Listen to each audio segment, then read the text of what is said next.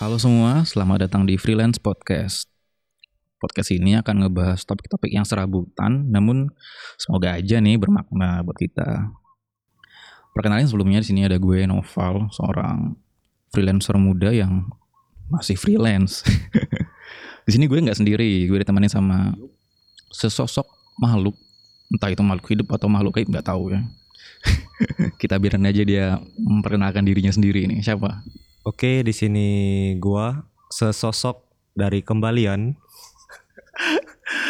Oke, di sini gue mau memperkenalkan diri. Nama gua Dika, freelance yang benar-benar free dalam mencari makna kehidupan di muka bumi ini. Ya, semoga aja dia segera menemukan makna kehidupannya gitu ya. nah sekarang lagi masih ada di vibe vibe 17-an nih. Kita mau ngucapin dulu Dirgahayu Republik Indonesia yang ke-75 tahun ya. Merdeka. Semoga aja Indonesia bakal lebih maju lagi dari sekarang. Nah, kadang kan kita tuh bingung arti dari merdeka tuh apa sih gitu. Mungkin kalau kita belajar dari buku sejarah atau guru kita ngajarin di sekolah ya kemerdekaan itu ya bebas dari penjajahan Belanda dulu Cuman kalau sekarang ya kadang menurut gue sih arti dari kemerdekaan itu udah berubah banget. Seiring dengan zamannya juga berubah gitu. Nah, gue mau nanya nih ke Dika nih, apa sih kemerdekaan menurut lo tuh kayak gimana gitu? Kalau menurut gue sih kemerdekaan itu nggak muluk-muluk ya. Karena menurut gue kemerdekaan itu adalah kebebasan yang terkendali. Kenapa gue bilang terkendali? Karena ketika sebuah kebebasan tidak ada yang mengendalikan, Ya, sama saja kita dengan hidup di alam liar seperti itu. Kayak di hutan gitu ya. Oh, jelas sekali dong. Hukum rimba akan semakin ditegakkan kalau kebebasan tidak ada yang mengendalikan. Iya, benar. Kalau menurut gue sih kebebasan itu ya benar masuk ke dalam arti kemerdekaan.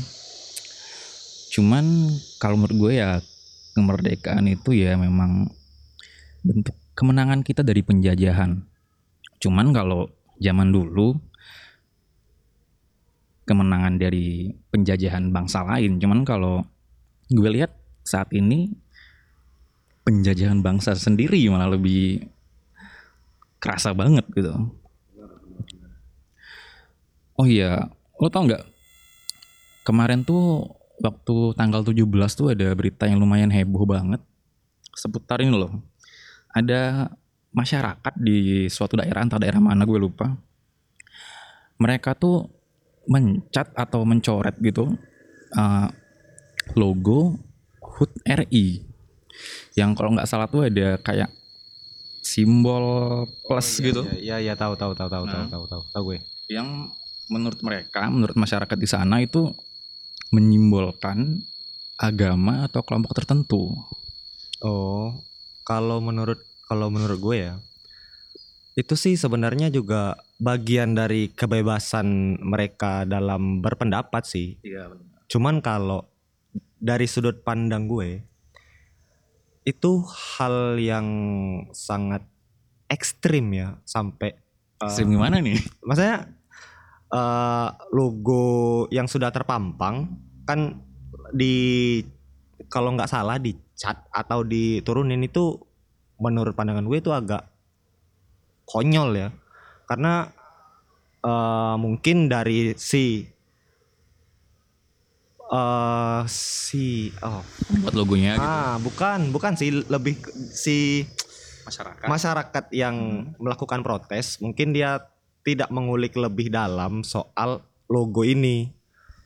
Ya ya gimana ya? Ya kan kadang ini jadi problem yang bukan rahasia lagi udah jadi masalah sehari-hari kita di mana masyarakat kita terutama di Indonesia sendiri itu kadang menilai sesuatu cuman dari tampilan aja. Benar sih, benar benar. benar. Mereka ngelihat, oh logonya kok ada simbol kayak begini, jadi mereka kontra akan hal itu. Kalau menurut gue pribadi itu bukan hal yang salah sebenarnya.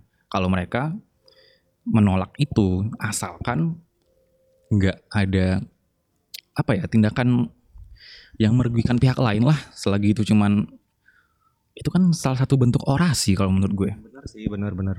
Eh gini deh, menurut pandangan lo nih, Hmm. kira-kira yang mau disampaikan oleh pembuat logo ini apa sih? Ya gimana ya? Mungkin kalaupun seandainya itu bentuk dari suatu golongan atau agama tertentu, mungkin bentuknya itu menyampaikan bahwa kita merdeka tuh juga bentuk dari apa ya persatuan lah bisa dibilang. Mungkin seperti itu mungkin. Mungkin juga itu bisa jadi apa ya gue juga nggak tahu. Kalau menurut gimana? Kalau menurut gue sih ya, mungkin si pembuat logo ini ingin eh, menyampaikan sesuatu hal yang berbau-bau medis. Kenapa? eh, kenapa gue bisa bilang seperti itu? Ini eh, hanya opini pribadi Iya. gue ya. Menurut men- menurut gue, tanda plus di situ melambangkan medis karena karena apa?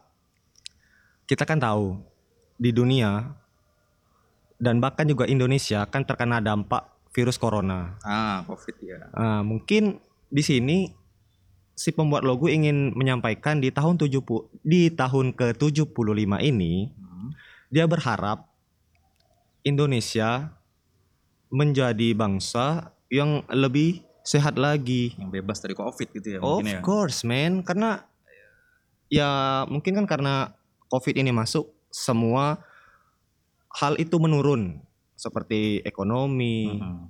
eh, kesenjangan pun lebih lebih Kerasa banget. lebih kerasa banget kan. Jadi mungkin plus di sini supaya di tahun 75 ini kesehatan lebih ditingkatkan dan perekonomian ataupun yang lain yang masih kurang bisa bertambah lagi. Menurut Inti- gue sih seperti itu. intinya balik ke normal lagi sebelum Iya. ada covid iya bisa jadi karena tanda tanda plus itu kan bisa berarti bahkan PMI pun tandanya juga plus Course, man. banyak tanda plus di di kehidupan kita sehari-hari gitu nggak cuman di di simbol agama tersebut gitu Iya kan benar sih. Iya, Pak. Nah, Ya memang kalau kalau menurut gue sih kalau misalnya masih terpaku oleh hal-hal seperti itu sih men- menurut gue ya mereka termasuk golongan yang belum merdeka sih menurut gue. ya ya gimana juga ngomongnya ya emang ya itu fakta aja. Kalian yang denger mungkin juga bakal notice itu karena kalian bakal nemuin orang-orang yang kayak gitu gitu. Yang masih gimana ya close minded lah bisa dibilang. Yang belum terlalu terbuka sama kan di Pancasila sendiri udah ada tuh kita negara yang terdiri dari banyak agama bukan satu aja. Gitu. ya harapan kita sih mungkin ya semoga aja masyarakat kita ke depannya bakal lebih terbuka lagi dengan perbedaan. Iya benar. bakal menerima dengan lebih lebih baik lah gitu. Karena balik lagi mau apa pun agama kita suku kita ya kita sama-sama warga Indonesia gitu. Iya sih. mereka sama-sama gitu kan. Tetap mempertahankan simbol bineka tunggal ika sih. iya benar. Ya kita harus respect lah sama pahlawan-pahlawan kita dulu yang memperjuangkan kemerdekaan. Ya mereka memperjuangkan ini semua ya buat kita sekarang tugas kita buat mempertahankan menjaga supaya kemerdekaan ini tetap berjalan dengan baik gitu nah ngomong-ngomong soal kemerdekaan kayak yang lo bilang tadi nih Dik, kemerdekaan itu salah satu artinya adalah kebebasan dalam berpendapat ya Iya sih benar benar Hmm. benar. kebebasan berpendapat di Indonesia kalau menurut gue gimana ya? Kalau menurut lo itu sih gimana sih? Kebebasan berpendapat di Indonesia gimana sekarang? Kalau menurut gue sih mungkin mereka mensalah artikan kebebasan dalam berpendapat ya. Salah arti gimana? Eh, salah artinya gini, eh, banyak orang yang berpikir bahwa mereka bebas untuk eh, mengeluarkan semua yang mereka ingin ucapkan, tapi mereka tidak bebas menerima dengan eh, apa yang telah mereka apa yang telah mereka keluarkan gitu nah. Maksudnya eh, gini loh, kadang ada orang yang speak up tapi tidak eh, tidak mau banyak mendengarkan seperti itu menurut gue Hmm, mungkin kayak misalnya contoh gue speak up sama sesuatu tapi gue nggak siap dengan apa respon orang terhadap gue gitu ya mungkin ya? Iya benar karena balik lagi ya mungkin bisa dikatakan tidak ada namanya kebebasan yang benar-benar mutlak. Karena kan kebebasan itu sepertinya sangat subjektif gitu nah. Bebas menurut kita belum tentu bebas menurut orang lain. Ana- eh, analoginya se- analoginya kayak gini loh. Misalnya nih ada orang baru datang ke rumah makan. Dia sebelumnya belum pernah makan nih di rumah makan. Kan analoginya kalau di rumah makan terutama rumah makan Padang lah ya. Itu kan pertama meja kosong tuh. Hmm. meja kosong.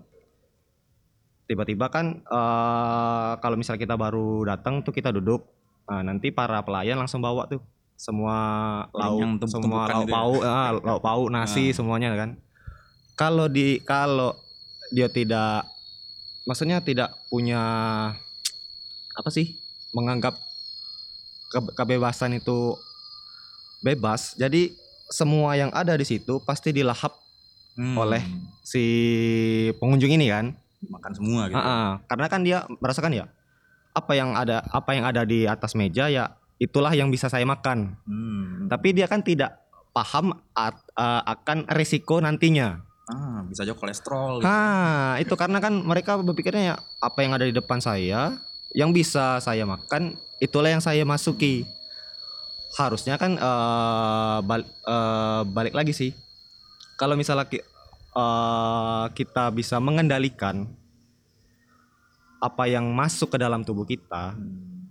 itu ya akan lebih baik lebih baik karena kan kalau misalnya kita lahap lahap semua itu kan bakalan ada beberapa risiko pertama mungkin di di tempat kita bisa bisa aja muntah benar kan? Iya bisa. Bisa aja muntah. Dan yang kedua uang yang akan anda keluarkan bakalan lebih banyak dong. Iya iya bakal lebih banyak dong. Nah, kalau misalnya anda bisa mengendalikan diri anda kan anda makan sesuai dengan apa yang anda Mau, perlu iya, apa iya. yang anda butuhkan. Jadi ya di satu sisi anda tidak akan mengeluarkan kotoran di depan banyak orang yang makan di wilayah itu kan dan juga biaya yang anda keluarkan juga tidak iya nggak ah, banyak uang gitu. seperti itu menurut analogi gue Iya sih gue juga setuju karena masyarakat kita ini kurangnya satu sih. Mereka nggak bisa ngefilter diri sendiri.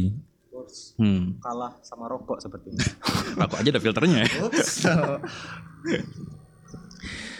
ya kadang ya mau gimana juga kita nggak bisa sepenuhnya nyalahin masyarakat karena kalau menurut gue pribadi faktor pertama yang paling penting buat seorang bisa memfilter dirinya sendiri adalah pendidikan. Kalau menurut gue. Bener sih. Tapi ya balik lagi sih, sepenting-pentingnya pendidikan ya memang pengendalian diri itu yang paling penting kalau menurut gue ju- juga banyak kok orang yang speak up yang masalah rasis atau yang pun yang lainnya itu bukan ya mohon maaf ya bukan orang yang tidak bukan orang yang tidak berpendidikan tapi malah orang yang berpendidikan kalau menurut gue Hmm, Karena menarik kan- sih, menarik sih. Iya karena kan karena kan gini eh semakin mereka pendidikannya tinggi itu kan mereka mer- merasa memiliki power Ah, benar. sedangkan orang yang tidak mengenyam pendidikan ya dia orangnya lebih ya nurut nurut nurut aja gitu Iya, kalau dilihat sih orang yang berpendidikan maupun juga banyak kasus orang yang punya influence banyak. Contoh artis atau influencer yang punya banyak followers, misalnya punya banyak fans. Mereka bakal punya banyak pengaruh untuk fans-fansnya sendiri dan untuk masyarakat juga gitu. Contoh misal kemarin tuh ada salah satu artis yang kalau nggak salah mempost sesuatu di sosial media yang mengatakan bahwa salah satu instansi kedokteran di Indonesia itu melakukan hal yang yang buruk. Lo tau nggak berita itu? Yang Ikatan Dokter Indonesia kalau nggak salah ini. oh iya iya iya tahu tahu tahu Hmm. tahu kalau itu sih mungkin gue nggak bisa terlalu banyak ini ya karena itu kan juga bukan uh, wilayah wilayah kita ya. Mungkin kalau menurut gue sih ini mungkin ada kesalah kesalahpahaman. Mungkin menurut si si ini saya bilangnya si ini aja ya. Iya. si ini. Si boy. Eh, si ini dia mungkin berpikir bahwa apa yang di- dilakukan instansi tersebut salah. Tapi kan men- karena balik karena balik ke pembicaraan awal kita tadi karena kan mungkin yang benar menurut dia belum tentu benar menurut mereka. Begitu juga sebaliknya. Menurut gue sih gitu. ya kalau menurut gue dia nggak sepenuhnya salah dan nggak sepenuhnya benar juga. Soalnya gini sesuatu yang kita post di media sosial itu bakal jadi konsumsi publik. Bener banyak bakal orang yang ngeliat dan otomatis bakal beraneka ragam juga responnya. Ada yang bakal pro ada yang kontra. Untuk yang pro mungkin ya fans-fansnya dia atau pengikutnya dia ya sebagian yang kontra mungkin bakal in case paling buruk mungkin melaporkan hal itu. Karena sekarang kan ada UU ITE gitu kan. Hmm, itu salah satu apa ya salah satu pembungkam paling menakutkan untuk saat ini gitu. Karena kita salah bicara sedikit aja dan ada yang tersinggung ya kita bakal dilaporin polisi gitu kocak sih cuman ya gimana ya kadang gini loh yang jadi tolak ukur di waduh banyak banget orang balapan kayaknya Sponsor, sponsor, sponsor. sponsor tuh Sponsor. sponsor.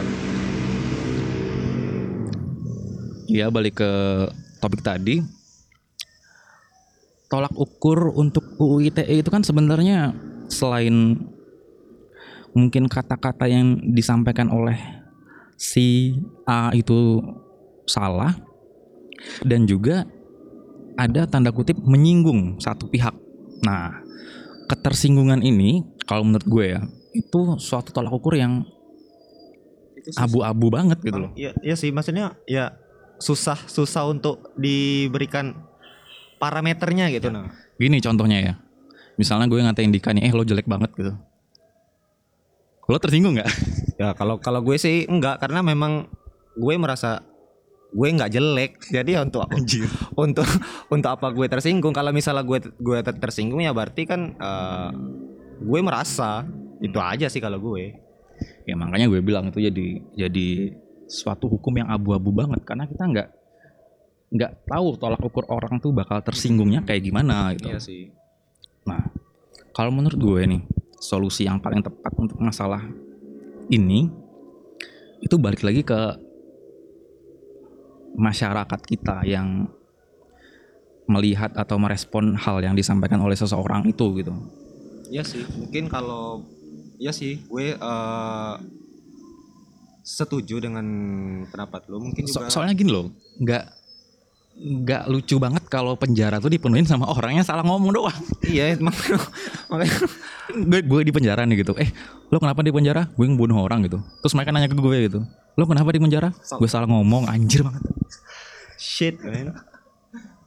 Ya, mungkin ini sih eh, gue ber- berharapnya mungkin dari kita sebagai masyarakat tidak terlalu eh, bereaksi yang terlalu berlebihan terhadap sesuatu. Karena ya ya selagi misalnya terjadi perdebatan ataupun berbeda argumen di media sosial yang menurut menurut kita itu masih ya masih bisa diselesaikan dengan cara kekeluargaan atau dengan eh, cara mediasi ya ki- saya pikir nggak perlu sih untuk di viral viralkan seperti itu. Maksudnya ya ketika hal-hal kecil diviralkan tuh seperti gimana ya eh, seperti kemunduran bagi kualitas SDM Indonesia seperti itu Iya, kita bereaksi terhadap sesuatu tuh hal yang alami sebenarnya.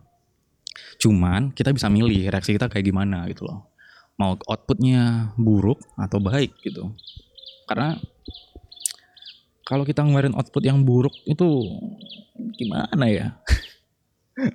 gue gue pribadi bisa nih contoh ya gue ngeliat Instagram terus ngelihat ada postingan dari artis atau siapa pun itu contohnya apa pun yang mereka laku, lakuin di situ entah itu mungkin cuman mereka liburan atau mungkin mereka beli mobil baru di kolom komentarnya itu pasti ada aja yang ngatain eh lu pamer banget anjing contoh kasarnya kayak gitu gitu.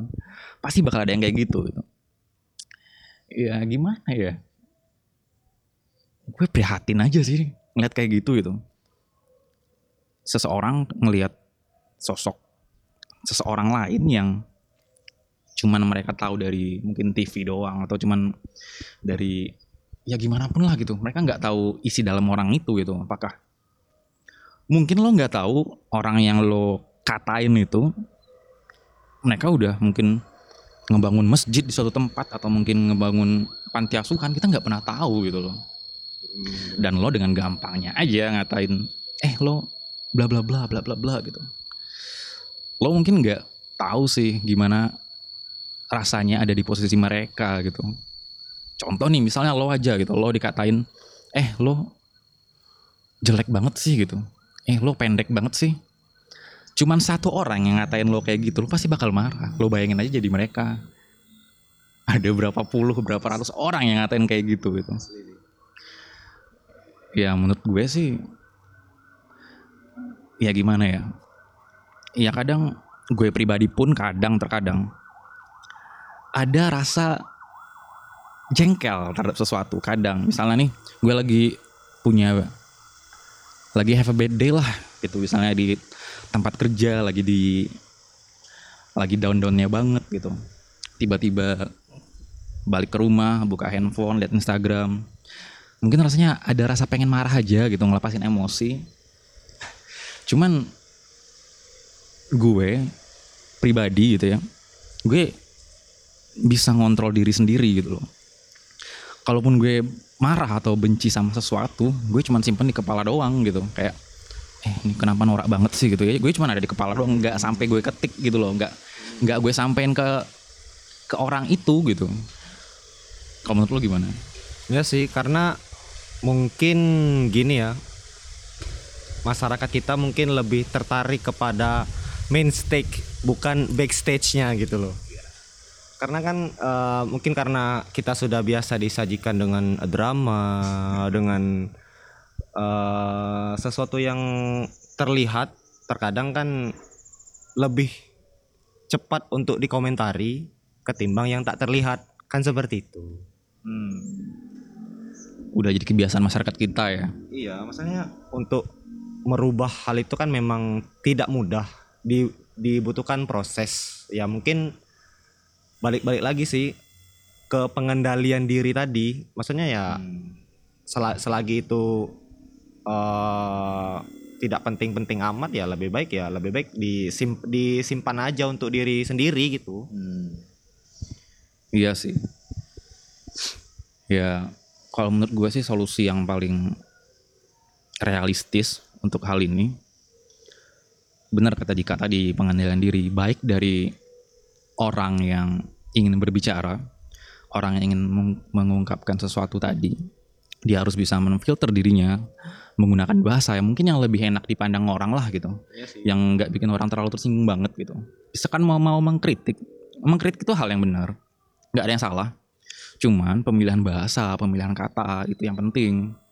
Dan dari sisi masyarakat yang mengkonsumsi itu, mereka juga harus pintar-pintar juga untuk memfilter memfilter dirinya gimana biar ya intinya ek- elegan lah gitu. nggak nggak kelihatan norak lah intinya.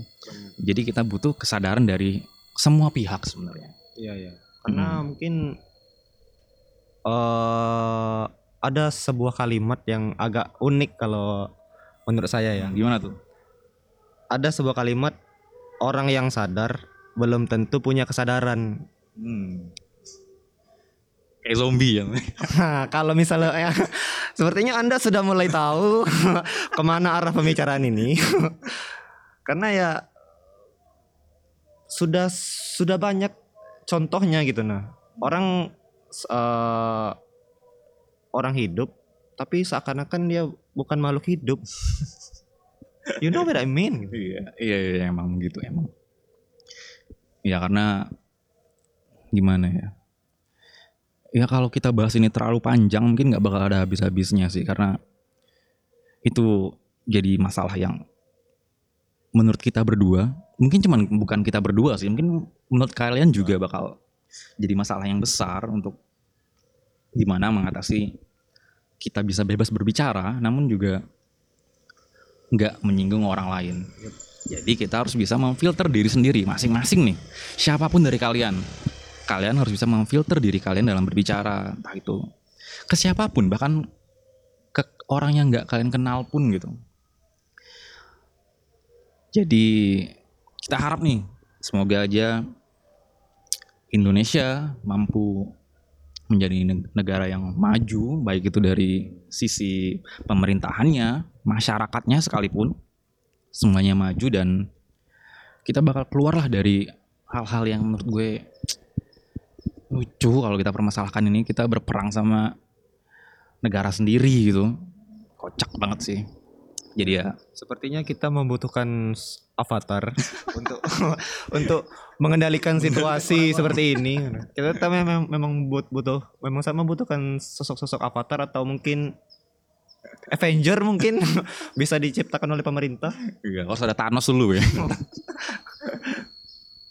Iya, kita harap semoga Indonesia makin maju, makin naik segala aspeknya itu dari aspek mana pun dan semoga kita semua mampu menciptakan seenggaknya kalau enggak untuk orang lain untuk untuk kita sendiri kemerdekaan untuk kita sendiri.